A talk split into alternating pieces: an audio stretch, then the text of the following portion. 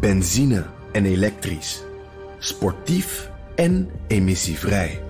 In een Audi plug-in hybride vindt u het allemaal. Ervaar de A6, Q5, Q7 en Q8 standaard met quattro vierwielaandrijving. Wat u ook zoekt, u vindt het in een Audi. Audi. Voorsprong door techniek.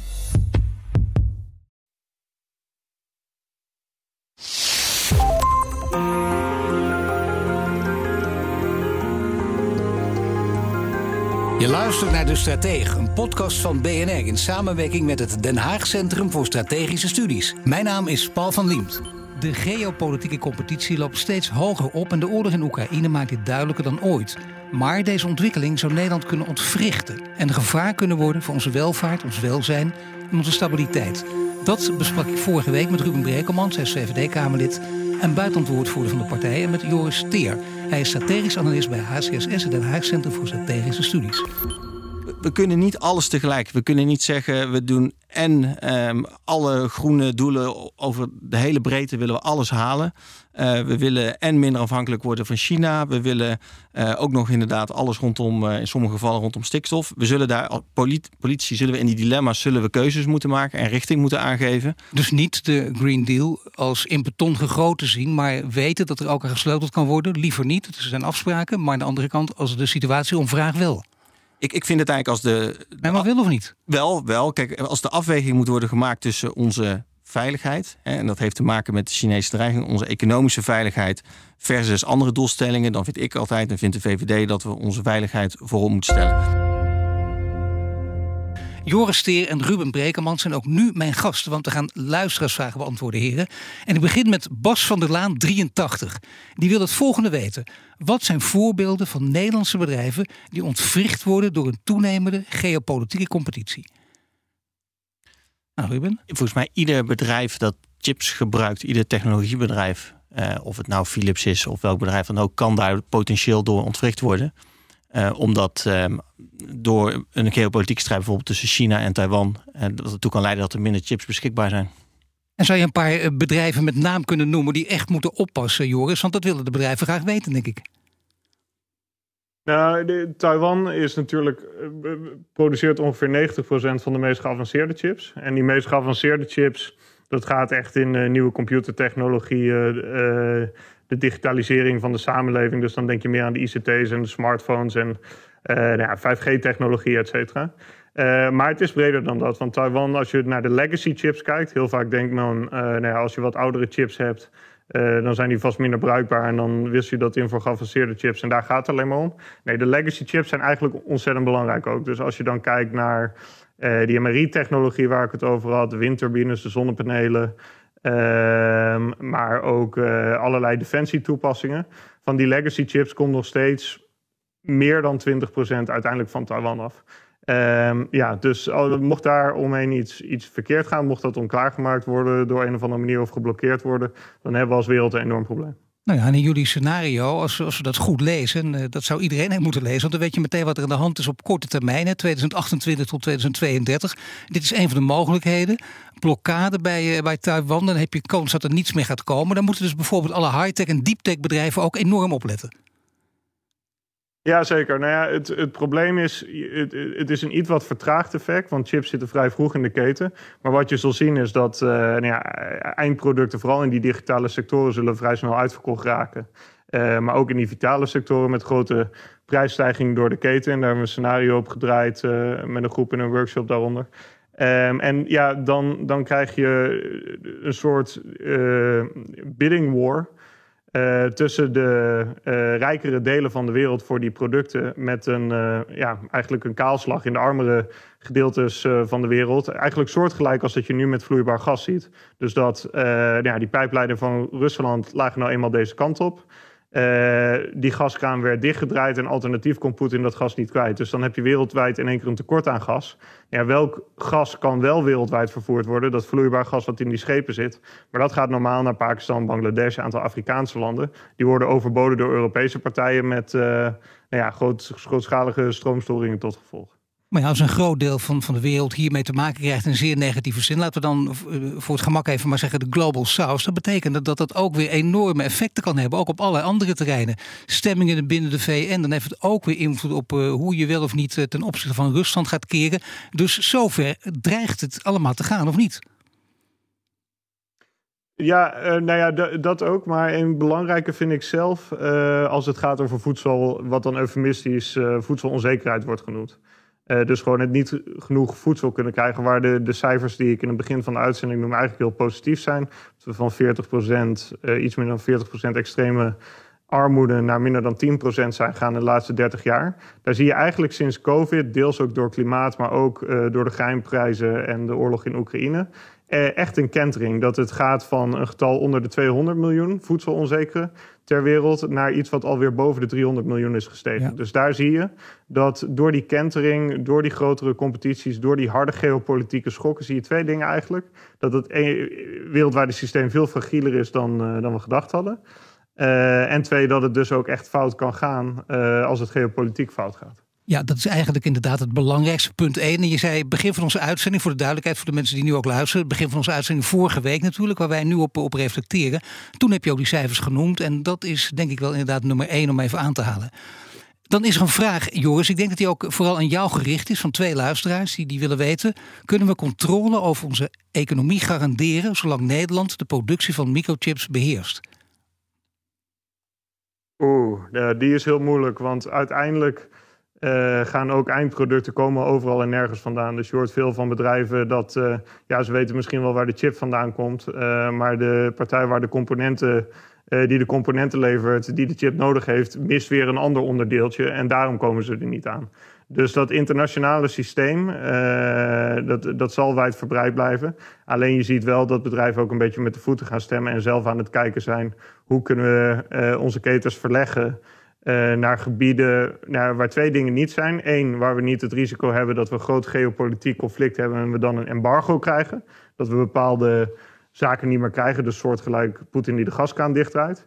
Uh, twee, je ziet een trend dat men ook een beetje buiten de militaire gevarenzone uh, kijkt. Dus waar Oekraïne toch ja, eigenlijk de geopolitiek-militaire breuklijn is tussen de NAVO en Rusland, is Oost-Azië dat tussen China en de VS. Dus de VS heeft basissen vanaf Korea naar Japan, naar de Filipijnen. En nou ja, een, president die steeds harder zegt: uh, als Taiwan aangevallen wordt, uh, dan kom ik die ook verdedigen. En nou, ze leveren wapens aan Taiwan.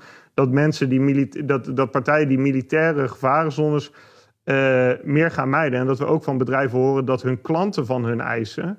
Ja, ik wil graag langdurig klant bij je blijven. Uh, maar hoe denk jij nou over die geopolitieke risico's? Dus die geopolitieke risico's, zowel expliciet benoemen naar klanten als in jaarrapporten en zo, wordt gewoon steeds belangrijker. Ja, dat is inderdaad steeds belangrijker. Zo wordt ook uh, het jaarverslag aangepast, of de manier van een jaarverslag opstellen. Maar wat kan de politiek doen om hierbij een, laten we zeggen, een goede faciliterende rol te spelen? Ruben. Nou, dat is. Oh, ja, Joris, ja, nee, ik snap het, Joris. Nee, natuurlijk zit ik er bezig. Maar eerst even Ruben nu. Volgens mij moet uh, de politiek, politiek ook natuurlijk naar een breder publiek, maar heel duidelijk inderdaad schetsen wat het probleem is en welke actie er nodig is, ook al op korte termijn. Uh, en als, dat, als daarvoor bepaalde investeringen nodig zijn, of als daarvoor uh, bepaalde stimulans richting bedrijf nodig is, of bepaalde hulp, dan moet de overheid daarin faciliteren. Kijk, als het bijvoorbeeld gaat om toegang tot grondstoffen, ja, dat loopt in het buitenland, loopt dat ook heel vaak natuurlijk via de overheid. Uh, dus dan kun je daar als Nederland of als Europese Unie kun je daar binnenkomen. Dat kun je niet alleen aan bedrijven overlaten die die grondstoffen nodig hebben. Uh, dus volgens mij is dat, dat samenspel tussen overheid en bedrijven, dat moet nog veel sterker worden vanuit geopolitiek oogpunt dan dat dat nu het geval is. Kijk, nu was het in het verleden vaak zo bedrijven die zoeken naar kansen in de wereld en de overheid die helpt daarin mee. Uh, een beetje duizend bloeien strategie. Nu moet het veel meer geopolitiek worden ingestoken. Hoe zorgen we ervoor dat wij onze economische veiligheid vergroten en de kwetsbaarheden die, die, we zijn, die er zijn, dat we die afbouwen? Ja, dat zou inderdaad een, ja. de manier. Ja, Joris, wil jij eraan toevoegen? Nou, Ruben raakt hier wel aan iets essentieels. Sommige problemen zijn gewoon te groot voor bedrijven. Dus het is niet zo alsof een individuele batterijmaker uh, grootschalig in Noord-Zweden de zeldzame aardmetalenmijnen weer kan openen. Want die zeldzame aardmetalen gaan naar allerlei uh, industrieën. Dus je hebt eigenlijk een soort kickstarter nodig, een soort gegarandeerde uh, afname, grootschalig. die zo'n mijn rendabel maakt. Nou, de Amerikanen zijn er heel duidelijk in. Die hebben het Pentagon en dat enorme militaire budget. En na een tijdje slaat iemand daar op tafel en die roept... ja, het is onaanvaardbaar dat wij geen F-35 kunnen bouwen... zonder een zeldzame aardmetalenmijn. Nou, dan gaat zo'n mijn weer open in 2012. En wat blijkt, zodra die mijn dan open is... en er wordt iets geproduceerd... dan zijn er ook wel partijen die die zeldzame aardmetalen... of een verwerkt product daarvan nodig hebben... Uh, die dan uiteindelijk denken, nou ja, geopolitiek is het toch fijner om die mijn te exporteren. Maar dan moet die mijn er wel zijn. Nou, er zijn wel mogelijkheden in Europa. Denk bijvoorbeeld aan al die grootschalige plannen... die, uh, wat is het volgens mij, 1800 of 1600, 3600 windturbines... die wel op de Noordzee aan het zetten zijn... wat echt uh, enorme hoeveelheden zeldzame aardmetalen in opgaan. Nou, daar heb je eigenlijk net zo'n gegarandeerde afname. Maar dan moet je wel de windturbinebedrijven, die uiteindelijk de magneten kopen waar de aardmetalen van gemaakt zijn, kunnen verleiden om niet voor het goedkoopste Chinese alternatief te gaan. Want als dat gewoon gebeurt, ja, dan, eh, dan, dan, dan komt die duurdere Europese variant of die duurdere Canadese variant, die komt dan alsnog moeilijk van de grond. Ja, dan kijken we toch vanzelf in naar de, de positie van Europa. En dat treft, want er is er een vraag over van, van een van onze luisteraars. In april 2023 luidt de vraag. Toen bezocht Mark Rutte de Franse president Macron. Ze waren het volledig met elkaar eens. Europa moet niet een speelveld zijn, maar een speler. In hoeverre zijn we nu ten opzichte van het uitbreken van de oorlog meer een speler in plaats van een speelveld? Ruben Brekermans. Ik, ik, denk dat er, dat er een lange weg te gaan is nog steeds. Dat in korte tijd dat de Europese Unie wel iets volwassener en realistischer is geworden. Dus dat die, die risico's dat die meer worden onderkend. Um, maar nog steeds, als je de vraag staat, leidt dat dan tot een gezamenlijke agenda en tot gezamenlijke actie? En dan zie je dat bijvoorbeeld wel rond de Chips Act. Ik vind dat daar, daar, daar vinden grootschalige investeringen plaats. Als je kijkt naar die kritieke grondstoffen, dan zijn het vooral plannen op papier, maar er zit nog geen budget bij en er zit weinig actie, komt er achterweg. Uh, dus daar, en daar zie je wel dat als er eenmaal dilemma's ontstaan, namelijk landen die verschillende belangen hebben, of er, moet, uh, er zijn problemen rondom het milieu versus uh, veiligheid, of mensenrechten versus veiligheid. Ja, dan vindt de Europese Unie het wel heel moeilijk om knopen door te hakken. Ja, maar toch was dit nogal een statement, niet zo lang geleden, van beide presidenten. Uh, de president van een groot land en de president van een land dat, die al heel lang hier aan de macht is. Dus ook in Europa een, een behoorlijke stem heeft en waar daar opgekeken wordt. En dan zegt hij ook, Rutte dus ook in dit geval, Europa moet een speler zijn. Ja. Maar hoe moet je dat dan precies interpreteren? Nou, dat moet je volgens mij interpreteren dat wij um, dus niet kwetsbaar en afhankelijk zijn van anderen dat we ook meer onze eigen veiligheid moeten garanderen. Een ander punt natuurlijk, maar veel meer zelf in defensie moeten investeren. Um, en dat wij er inderdaad niet vanuit moeten gaan dat we, uh, dat we die, uh, de, constructieve relatie die we nu met China hebben, dat we die in de toekomst uh, ook zullen behouden.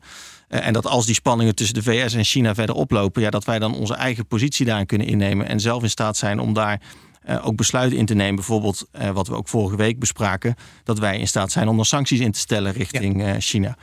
Um, en ik denk dat we daar qua denken en qua overkoepelend dat we daar steeds meer komen als Europa. Alleen de vertaling moet natuurlijk zijn in die concrete acties. Want het is heel makkelijk om dit te zeggen. Precies, maar als je dan vervolgens gaat vragen van ja, wat betekent dat dan? Betekent dat dan dat we een lithiummijn uh, in Zweden gaan openen? Of dat we minimaal vijf uh, lithiummijnen in Europa moeten hebben per 2030? Ja, zo concreet wordt het niet. En ik maar denk hoe concreet gaat het wel worden? Hoe snel gaat het wel zo concreet worden? Want dan weet iedereen waar die aan toe is nou ja, voorlopig nog niet snel en concreet genoeg. Het verschilt heel erg per onderdeel. Dus ik zie het, wat ik zei, ja. die chipsindustrie, ja. zie ik het snel en concreet gaan. Daar zit budget bij, daar zit een plan achter. Uh, er worden ook behoorlijk wat instrumenten worden er opgetuigd. Een anti-dwanginstrument, uh, er worden investeringsscreening en zo. Dat gaat allemaal best wel snel. Uh, voor Europese begrippen dan. Maar bijvoorbeeld op, op grondstoffen en op voedsel en op. Ja, daar spelen toch ook weer andere belangen spelen daar. En daar gaat het toch een stuk langzamer. Nou, Joris, een vraag die, die hierop aansluit voor jou. In 2021 kwam Europa met een alternatief voor het Chinese Belt and Road initiatief, een nieuwe zijderoute, om haar geopolitieke positie te versterken. Maar is de Europese Unie wel in staat om op dezelfde schaal te concurreren als China? Nou, dat is wel een interessante vraag. Kijk, China heeft natuurlijk um, voornamelijk strategisch naar de wereld gekeken. Dus nagedacht over wat essentiële inputs zijn voor uh, de economie. Dus zoals die grondstoffen. Uh, deels gevolg daarvan zijn 14 van de 19 kobaltmijnen die je in Congo hebt. Uh, dan wel in handen van Chinese staatsbedrijven. Of hebben Chinese partijen daar grootschalige investeringen in. Um, dus um, daar zijn ze vroeg mee begonnen. Omdat er toch in Chongnanhai, waar de Communistische Partij zijn beslissingen neemt, een, een beeld was van strijd. Strijd met andere landen, strijd met de Verenigde Staten en ook voornamelijk andere liberale democratieën. dus die hebben daar strategisch op ingehaakt. Ehm, ik zie het nog niet zo grootschalig gebeuren dat we dat erg aan het goedmaken zijn. En dat heeft voor een deel te maken inderdaad met wat Ruben zei. Als ik de Franse president vaak hoor over strategische autonomie en dat hij daar het intellectuele debat over gewonnen heeft. Het enige wat ik me eigenlijk altijd afvraag is: oké, maar eh, waar zijn dan de honderdduizend Franse militairen die u achter de hand heeft om de Amerikanen af te lossen in Centraal uh, en Oost-Europa om een geloofwaardige afschrikking neer te zetten. En waar opent u, eigenlijk net zoals de Amerikanen dat doen, zo grootschalig de zeldzame aardmetalen en de kobaltmijnen weer. Dus uh, intern is het vooral, durven wij ook eerlijk te zijn en gewoon te zeggen, uh, grotere zeggenschap over je eigen continent. Het niet zijn van de speelbal eist gewoon pijn en offers ook. en extern ehm, zal het helaas gepaard moeten gaan met ook deals met regimes waar je liever niet mee zou uh, willen dealen. En, en toch ja, uh, voor die, die staten die niet bij het Russisch-Chinese kamp zitten of bij het onze kamp, wat vaker strategisch een oogje dichtknijpen. Hartelijk dank. Joris Steer, strategisch analist van HCSS, het Den Haag Centrum voor Strategische Studies. En Ruben Brekelmans, VVD-Kamerlid en buitenlandwoordvoerder.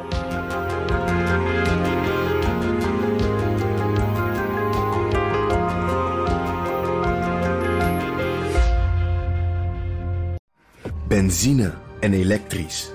Sportief en emissievrij. In een Audi plug-in hybride vindt u het allemaal. Ervaar de A6, Q5, Q7 en Q8 standaard met quattro vierwielaandrijving. Wat u ook zoekt, u vindt het in een Audi. Audi.